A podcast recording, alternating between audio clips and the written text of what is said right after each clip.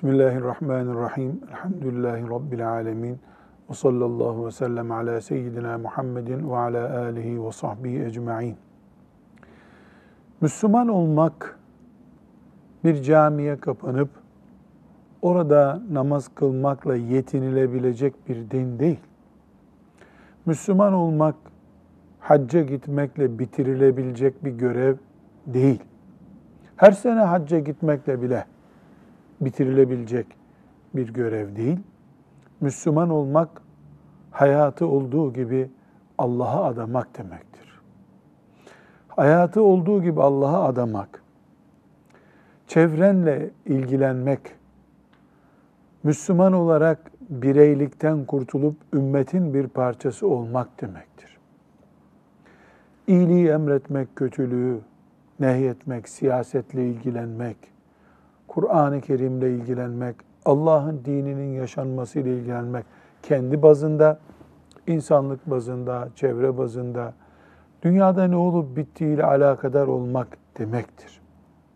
Eğer Müslüman İslami yani Müslüman olmayı içine kapanıp oturup Kur'an okumak, sakalını uzatmak veyahut da evde bol bol namaz kılmak şeklinde anlarsa eksik Müslümanlık anlamış olur. Çünkü bu sayılan şeyler de Müslümanlık şüphesiz ama Müslümanlığın parçalarından bir parça sadece. Aynı şekilde Müslüman olmak fakirler için sadaka toplayıp dağıtmaktan ibaret zannedilirse yine İslamiyet eksik anlaşılmış olur. Toplayıp sadaka dağıtmak da Müslümanlığın gereklerinden biridir ama Müslümanlığın bütünü değildir. Bunun ideal olanı, doğru olanı nedir? Müslüman Allah'a teslim olmuş, Allah'ın adının anıldığı her yerde kendisine bir görev düşebileceğini bilen ve buna hazır olan insandır. Böyle bir görev düşmediği zaman kendi ferdiyle, ailesiyle meşgul olur. Görev düştüğü zaman da o göreve hazır olur. Müslümanlık böyle bir şeydir. Bu mantıklı hadisi şeriflerden şimdi okuyacağız. Riyazu Salihin'de 183. hadisi şerif var. Resulullah sallallahu aleyhi ve sellem Efendimiz Müslüman profili çiziyor. Biz mesela eksik Müslümanlık anlayışına göre bakıldığında Müslüman kimdir sorusuna uzun sakallı biri diye cevap verebiliriz. Bu yanlış. Eksik bir cevap bu. Müslüman kimdir sorusuna beş vakit namazını camide kılan insandır desek bu da eksik. Müslüman beş vakitini camide kılar ama caminin kurulu olduğu şehrin siyasetiyle de ilgilenir. Kapasitesi kadar şüphesiz. Becerebildiği kadar. Siyasetle, Kur'an'la, şeriatın nerede nasıl yaşandığıyla bunlarla ilgilenen insana bütünüyle İslam'ı sahiplenmiş, yaşayabilen Müslüman denir.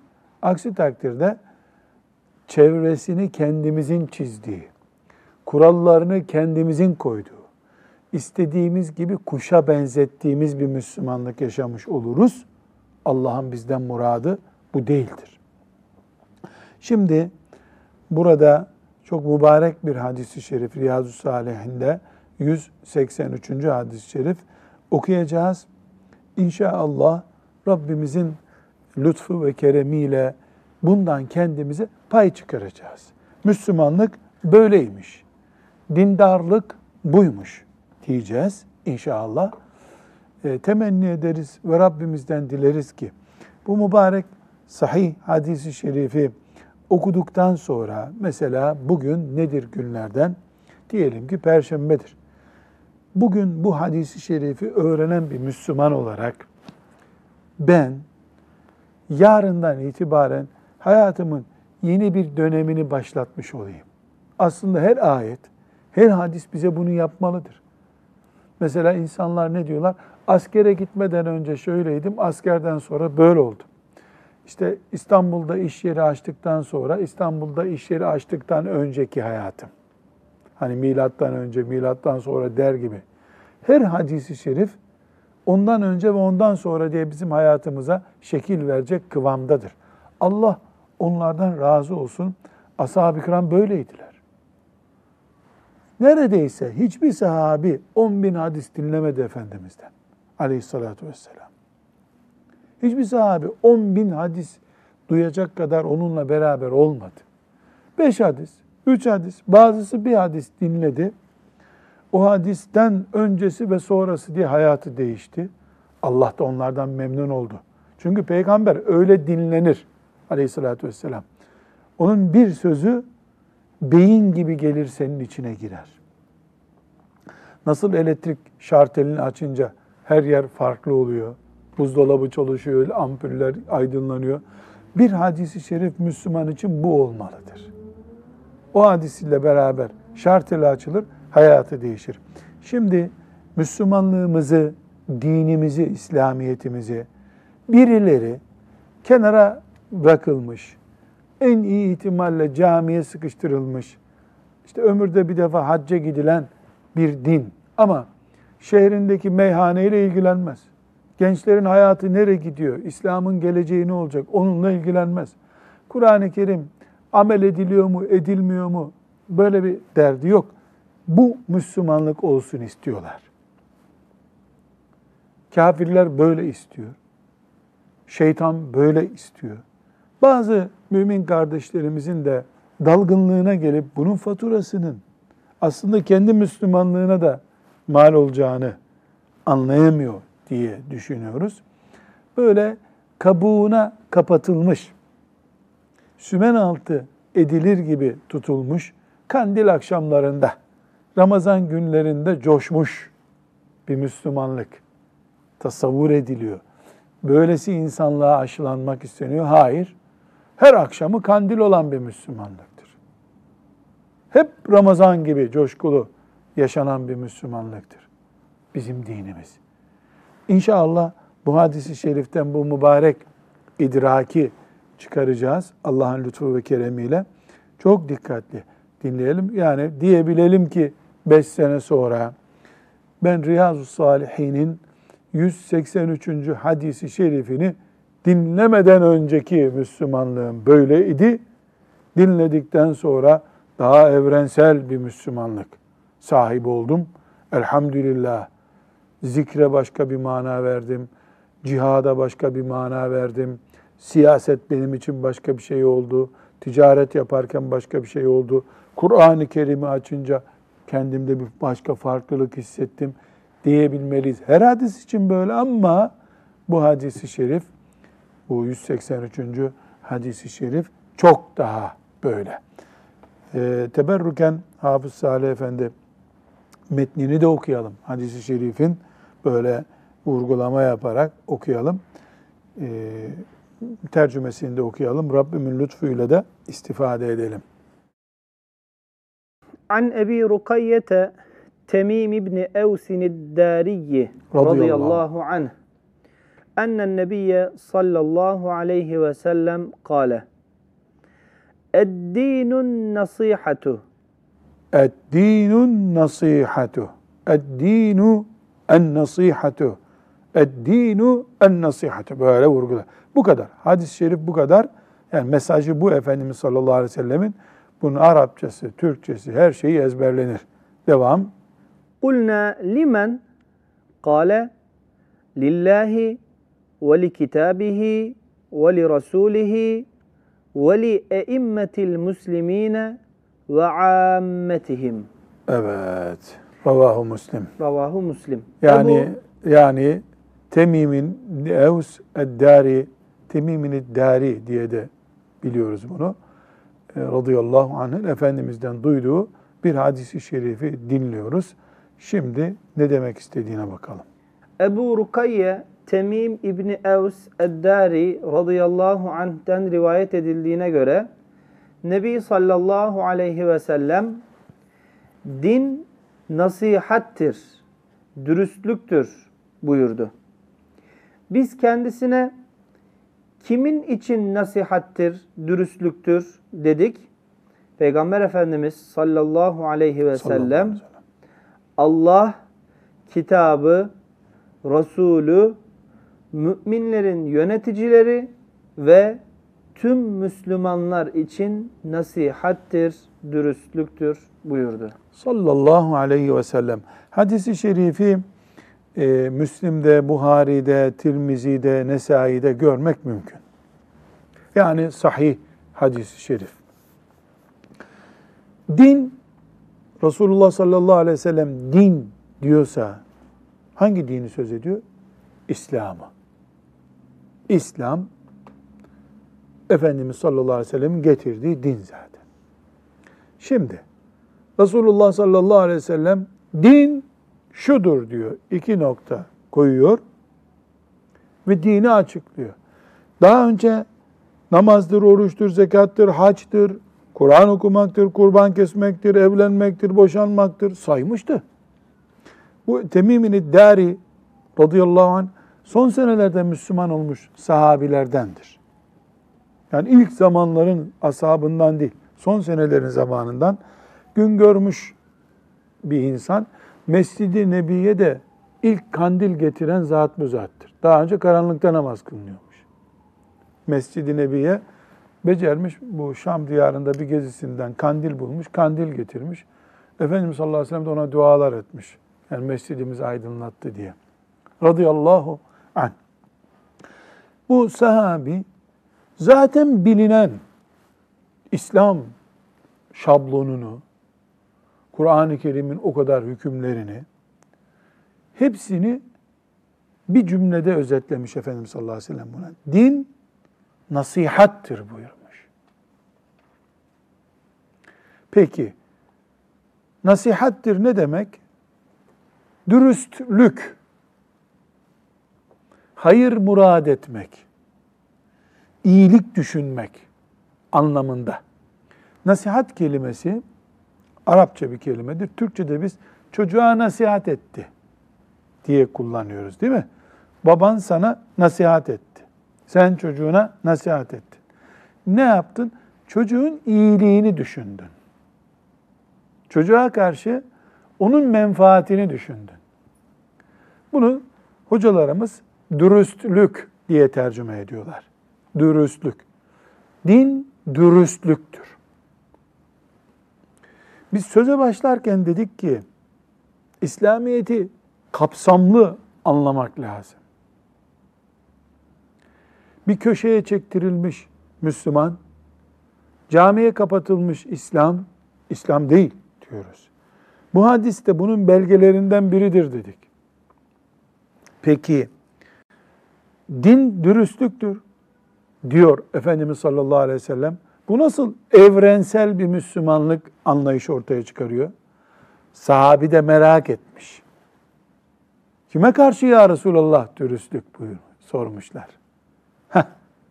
Şimdi bu sorunun cevabı İslam'ın ne olduğunu gösteriyor. Efendimiz sallallahu aleyhi ve sellem ne buyurmuş? Allah, kitabı Kur'an, Peygamberi Muhammed aleyhisselam, müminleri yönetenler ve tüm Müslümanlara karşı dürüst olacaksın.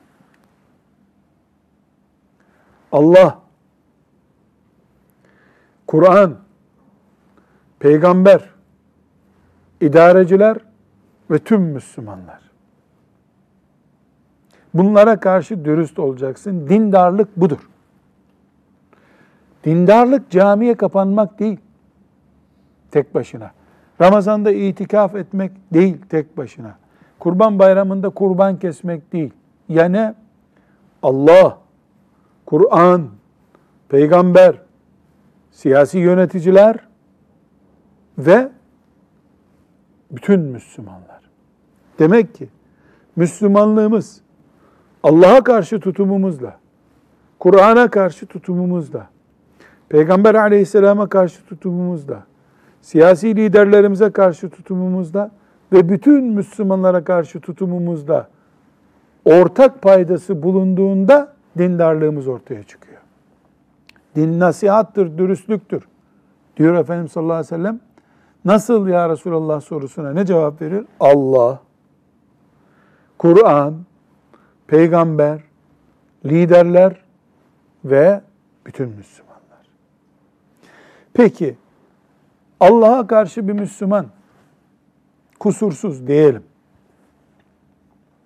Kur'an'a karşı kusursuz diyelim. Peygambere karşı kusursuz diyelim. Diğer Müslümanlarla ilgilenmiyor. Bu hadisteki saydığı şeyler yerini buluyor mu? Bul. Onun dindarlığı dindarlık değil o zaman. Veya siyasetle ilgilenmiyor. Kim yönetiyor? Niye yönetiyor? Nasıl yönetiyor? Nereye götürüyor ümmeti? Toplumu nereye götürüyor? Hiç bundan haberi yok. Bu hadisi şerif o insana dindar diyor mu? Hayır. Dinu en nasiha. Din nasihattir. Kime karşı ya Resulallah? Allah'a, Kur'an'a, peygamberine, yöneticilere ve bütün Müslümanlara karşı. Müslümanın kafa yapısı, zihin dünyası bu beş parçayı bir araya getiren kafa yapısıdır.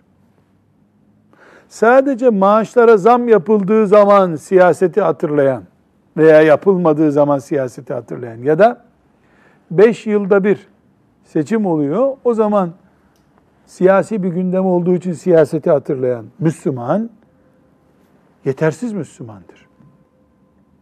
Siyasete kendisini feda etmiş, namaz kusuru oluyor, oruç kusuru oluyor. E Allah'a karşı vazifesi yerine gelmiyor. O da kusurlu Müslüman. Çok iyi Müslümanlarla ilgileniyor, siyasetle ilgileniyor. Yani tam ilgileniyor hem de. Bu işten ücret almıyor. Fi sebilillah bunu yapıyor. Çok güzel. Fakat Kur'an-ı Kerim'i en son ne zaman okumuştun sorulunca apışıp kalıyor. Ne oldu ya? E Kur'an'la soğuk. Yo. Ne buyurmuş sallallahu aleyhi ve sellem Efendimiz? Dindarlık, Allah, Kur'an, peygamber, yöneticiler ve bütün Müslümanlar çapında olacak.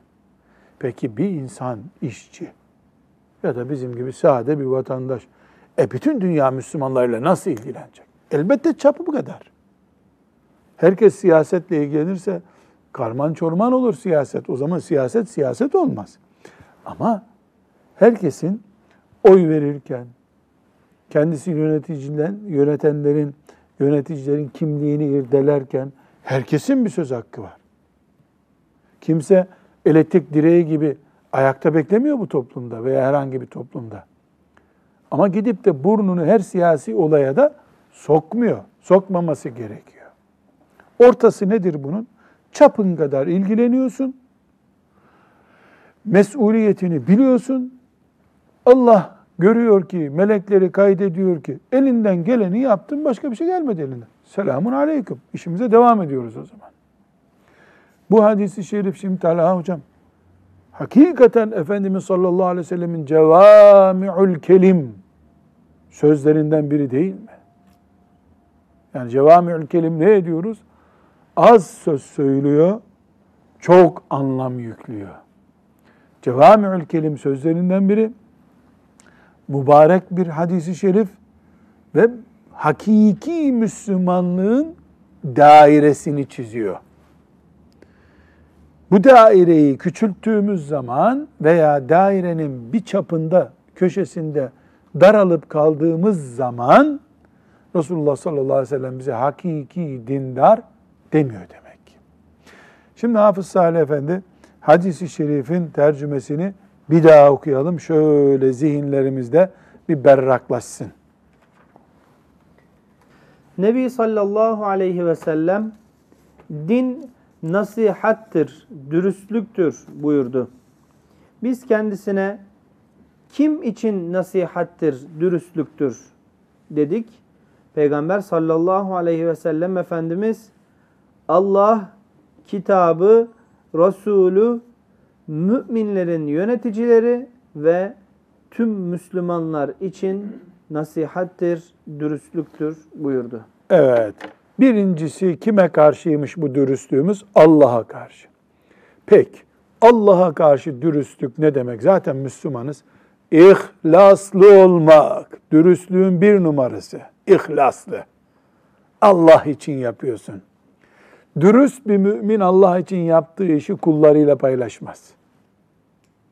En büyük ihlaslı mümin en büyük dürüstlüğü gösteriyor. Onun işte bir lira sadakası Uhud dağı kadar ağırlıklı taşıyor. Onun işte bir iki rekatlik namazı onu miraca yükseltiyor. Allah'a karşı en büyük dürüstlük ihlastır. İhlası olmayan kafir değil şüphesiz. Ama dürüstlük, samimiyet sorunu, e, nasihat sorunu yaşıyor. Allah'a karşı samimiyetimiz, dürüstlüğümüz zikirle de belli olmalı. Zikri eğer sadece tasavvufa, tarikata girenlerin perşembe akşamları gidip yaptıkları bir iş olarak görüyorsa burada bir samimiyet sorunu var. Merdivenden inerken Subhanallah der mümin. Otobüs durağında beklerken ayetel kürsi okur zikir diye.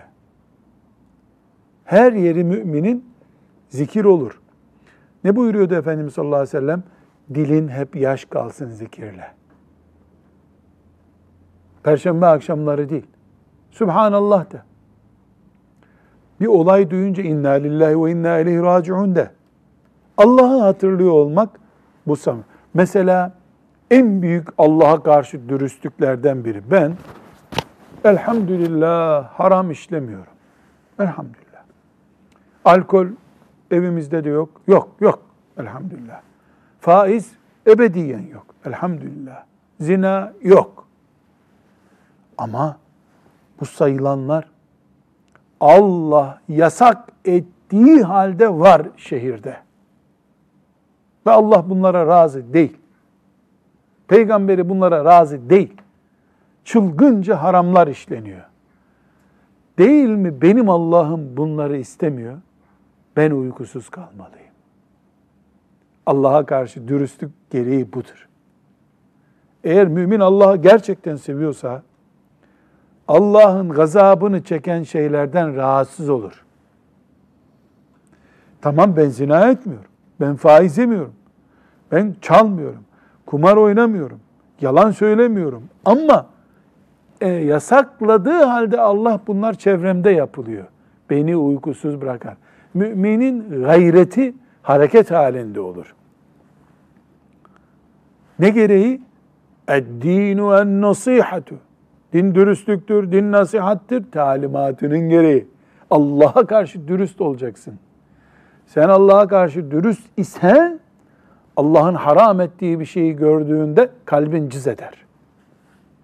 Senin kızın tesettürlü ama tesettürsüz milyonlarca kız senin imanını sürekli hareket halinde tutmalı. Ve Allah'ın dinine karşı, Allah'a karşı bu samimiyet İslam'a adam toplama heyecanı oluşturmalı. Bu dört nokta Allah'a karşı dürüst olup olmadığımızı gösteriyor. Peki, Kur'an'a karşı dürüst olacağız. Allah'a karşı dürüst dedi, kitabı Kur'an'a karşı dürüst olacak. Kur'an'ın hazır askerisin sen demektir bu. Sen Kur'an'ın yayılması için uğraşıyorsun, öğreniyorsun, öğretiyorsun demektir. Kur'an'la amel ediyorsun demektir. O Kur'an olduğu zaman, mushaf olduğu zaman hürmet ediyorsun demektir. Bu da Kur'an'ın, kitabın karşısında dürüst olmak. Peki peygamberine karşı dürüstlükten, çünkü kime karşı sorduğunda üçüncü olarak peygamberine karşı dürüst demişti. Elbette ona iman ediyorsun. Onu sıradan bir insan gibi görmüyorsun. Resulullah diyorsun onun için. Tazim ediyorsun sünnetini tazimle karşılıyorsun, yayıyorsun. Sünnetinin savunucusu ve doğal yayıcısısın sen. Ve Resulullah'a karşı samimiyet, dürüstlüğün en önemli göstergelerinden biri ashabını saygıyla yad ediyorsun. Ashabını yad etmedikçe saygıyla Resulullah sallallahu aleyhi ve sellem'i korumuş olmuyorsun. Çünkü o ashabı etrafındayken bize ulaştı. Sallallahu aleyhi ve sellem. Dördüncü olarak da müminlerin liderlerine karşı, Müslümanların önderlerine karşı samimiyet, dürüstlük. Burada önder kelimesi hemen aklımıza siyasetçileri getiriyor. Doğru. Ama Müslümanların siyasetçileri alimleriyle beraber yaşayan liderlerdir. Dolayısıyla Müslümanların alimlerini de kastetmiş olur Efendimiz sallallahu aleyhi ve sellem. Ve ulul emri minküm ayetini tefsirine baktığımızda da Müslümanların alimleri de ulul emr oluyor. Çünkü alimlerin istişaresi ve emirlerine uymadan yol alan siyasetçi, Müslümanların siyasetçisi değil ki zaten. Ya kendisi de alimdir, Ömer bin Hattab gibi radıyallahu anh. E tamam, iki özellik onda birleşmiş. Ya da İmam Gazali rahmetullahi aleyhin tavsiye ettiği gibi kendisi alim değilse bile ki olmayabilir. Alimlerle beraber hareket ettiği için ümmeti Muhammed'in liderleri alimler ve siyasetçilerden oluşan önder kadrosu demektir. Müslüman da bunlara karşı vefa borcu var. Onları yalnız bırakmaz. İki türlü yalnız bırakmaz. Desteklerine ihtiyaçları olduğu zaman destek verir. Onların yanlış yapmasına karşı Allah'tan korkun der. İkaz vazifesini yapar. Din nasihattirden bu çıktı. Ve beşinci olarak ne buyurmuştu? Bütün Müslümanlara karşı dürüst olmak. Bunu bütün Müslümanlara karşı dürüst olmayı nasıl algılayacağız? Çok kolay. Bir hadisi şerifi Efendimiz sallallahu aleyhi ve sellem bize ders olarak vermişti. Ne buyurmuştu? Kendin için sevdiğini mümin kardeşin için sevmedikçe iman etmiş olamazsın. Bu hadisi göreceğiz biraz sonra. Müslümanların her biri mesela bir milyar Müslümanız. Coğrafyalarımız ne olursa olsun. Bu ne demek? Her birimiz 1 bölü 999 milyon şu rakamız. Her Müslüman kendisini 1 bölü 1 milyar görür. Herkes öyle gördüğü için de, görmesi gerektiği için de ümmeti Muhammed bir kişi gibidir. Onun günahından, onun sakızından, bunun çorbasından dolayı parçalanmış insanlar değildir ümmeti Muhammed sallallahu aleyhi ve sellem. Biz, benim kazağım var. Kış günü ısınıyorum. O müminin de kazağı olması lazım. Takatım kadar şüphesiz çıkarıp ona verip üşümek anlamında değil. Düşünebildiğim zaman ben ümmeti Muhammed kalitesinde miraç görmüş Resulullah'ın sallallahu aleyhi ve sellem anlayışında mümin oldum demektir. Bu seviyeyi düşürdüğümüz zaman maazallah Resulullah sallallahu aleyhi ve sellem Efendimizin beklentilerini suya düşürdük demektir ümmetinden beklediği şeyler yazık oldu. Gitti demektir. Şimdi Temimini Dari radıyallahu anh ashab-ı kiramın güzide şahsiyeti. Allah ondan razı olsun. Çok bir hadis rivayet etmemiş.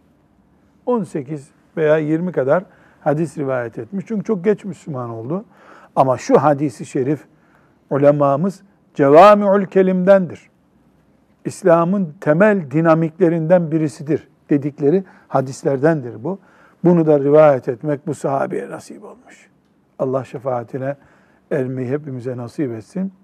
Bu sahabinin hadisinden ne anladık? İslam ve Müslümanlık Allah'a, Kur'an'a, peygambere, Müslümanları yönetenlere ve bütün Müslümanlara karşı dürüst olmak, samimi olmaktır vefakar olmaktır.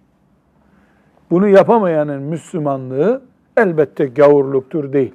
Ama küçük Müslümanlık, ezilmiş Müslümanlık, kenara sıkışmış Müslümanlıktır. Bu ruhu biz kesinlikle İslam'ımızın kapasitesi, Allah'ın bizde görmek istediği Müslümanlığın ölçüsü olarak anlayacağız. Ve Hafız Salih Efendi, şimdi siz kamp yapıyorsunuz ya lise talebeleri için. Onlara bütün veliler ne istiyor biliyor musun? Abdesti, guslü öğretsin. Ben zaten utanıyordum çocuğa tahareti öğretmeyi. İşte etek tıraşı yapmak ayıp bir şey. Nasıl anlatacağım baba olarak ben bunu onu anlatmanı istiyor senden. Tamam bu da taharette dinimizin bir parçası. Ama bu hadisi şerifi çocuklara ezberleteceksiniz. Ve bu hadisi şerifin mantığında talebe yetiştireceksiniz. Yoksa ümmetin sizde hakkı kalır. Belki pek çok hoca efendinin yaptığı gibi hatim ettirirsiniz çocuğa. Değil mi hocam? Hatim bir icazet töreni, bir hatim töreni. Orada baklavalar, çocuklara takke giydirmeler, amin alayları çok güzel. Ama Peygamber sallallahu aleyhi ve sellemin beklediği Müslümanlık o Müslümanlık değil. Çocuk bir defa eve giderken daha yani ümmet düşüncesini yırttığı yere bak. Filanca elif cüzünü bitirmedi demek ki iyi Müslüman değil o. Ben Müslümanım o değil. Oradan dışlayarak başlıyor. Biz şuyuz, onlar bu diye Müslüman ümmeti bölüyor. İki önemli görevimiz oluştu şimdi. Bu hadisi şerifi iman şartları gibi öğretelim. Eğitimlerimiz, çocukları yönlendirme tarzımız da bu hadisi şerifin ekseninde olsun. Belki ümmetimiz ayağa kalkacağı mantığı inşallah sahiplenecek. Resulullah sallallahu aleyhi ve sellem ashabını böyle yetiştirdi. İşte Temim'in iddari geldi. Bu ilk geldiği cümle duyduğu bu oldu. Bunu öğrendi. Demek Efendimiz sallallahu aleyhi ve sellem böyle terbiye etti sahabilerini. Allah onlardan razı olsun. Şimdi 184. hadisi şerifte başka bir sahabinin Resulullah sallallahu aleyhi ve sellem'den aldığı nasihati dinleyelim. An Cerir İbni Abdillah radıyallahu anhu kâle Bâya'tu Resulallah sallallahu aleyhi ve selleme ala ikamis salati ve itaiz zekati ve nushi li kulli muslimin. Sadaka Resulullah sallallahu aleyhi ve sellem. Bukhari'de, Müslim'de, Nesai'de rivayet edilen bir hadis-i şerif bu. Evet tercüme edelim. Cerir İbni Abdillah radıyallahu anh şöyle dedi. Resulullah sallallahu aleyhi ve selleme namazı tam olarak kılmak, zekatı hakkıyla vermek ve her Müslümana nasihat etmek üzere biat ettim. Biat etmek ne demek? Beyat etmek, Resulullah sallallahu aleyhi ve selleme geliyor sahabi. Ben Müslüman olmak istiyorum. Efendimiz sallallahu aleyhi ve sellem elini uzatıyor. Şöyle, şöyle, şöyle, şöyle Müslüman olacaksın diyor. Peki ya Resulallah diyor, kelime-i şehadet getiriyor. Buna biat deniyor. Beyat, biat iki türlü telaffuz edilebilir. Hemen hemen her sahabi beyat etmiştir. Bu kavram daha sonralara ümmetin başındaki halifeye beyat etme olarak kullanıldı. Müslümanlar geldiler, biz seni liderimiz kabul ediyoruz dediler. Beyat şimdi siyasi bir kavram olarak kullanılıyor ama ashab-ı kiram iman ederken Efendimiz'e geldiler, beyat ettiler.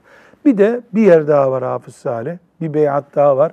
Kur'an-ı Kerim'de Yedullahi fevka eydihim ayetinde geçen Hudeybiye sulhünden önce Osman radıyallahu anh'ın intikamını almak için Efendimiz sallallahu aleyhi ve sellem ne, ne yaptı? İnnellezine yubayi'uneke innema yubayi'un Allah. Seninle beyat edenler Allah'la beyat ettiler diye ayette var. Bu beyat yani Resulullah sallallahu aleyhi ve sellem sözleşme yapıyor.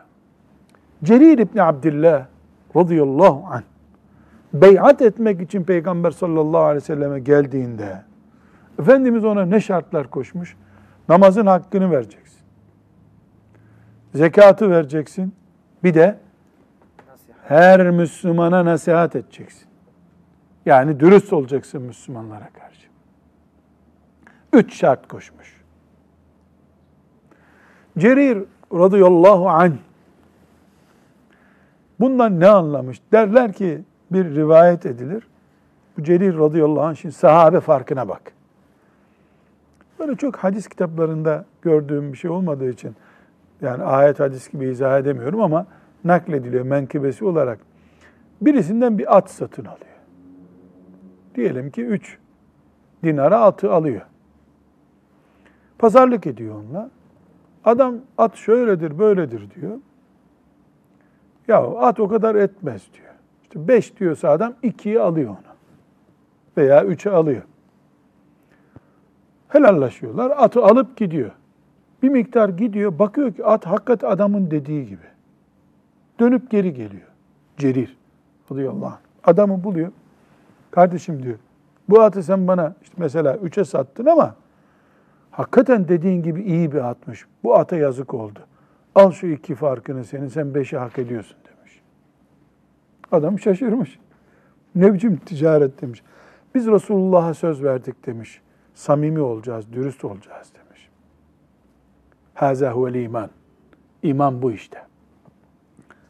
Söz vermiş. Ben müminlere karşı samimi olacağım. Bu sözünü yırtmıyor. Peki ya Resulallah. Gidiyor, bitmiş ticareti, pişmiş aşı su katıyor bir daha. Niye? Hakikaten adamın dediği gibiymiş bu at yahu. Bir eksik verdik adama diyor. Nasıl olsa helalleştik demiyor. Demek ki Resulullah sallallahu aleyhi ve sellem ashabını böyle yetiştirdi. Samimiyet, dürüstlük, nasihat üzerine yetiştirdi. Onun için biz Müslümanların birbirlerine karşı ve tevasav bil hakkı ve tevasav bis sabr buyuruyor ya allah Teala birbirlerine nasihat etmeleri, birbirlerine tavsiyede bulunmaları, birbirleriyle ilgilenmelerini peygamber sözleşmesi olarak anlamamız lazım. Bu bir peygamber sözleşmesi. Sıradan bir nasihat değil. Aslında nasihat kelimesi Arapça kökünde yırtılmış elbiseye yama yapmak demektir. Şimdi tabii yamalı bir şey kalmadı dünyada da eskiden insanların omuzunda, dirseğinde, e, paçalarında yamalar olurdu. Şimdi işçiler bile köylerde, tarlalarda giymiyorlar öyle kıyafeti. Onların her biri nasihat. İnsan birbirine nasihat ediyor. Yani yamasını düzeltiyor. Payanda oluyor ona anlamına geliyor.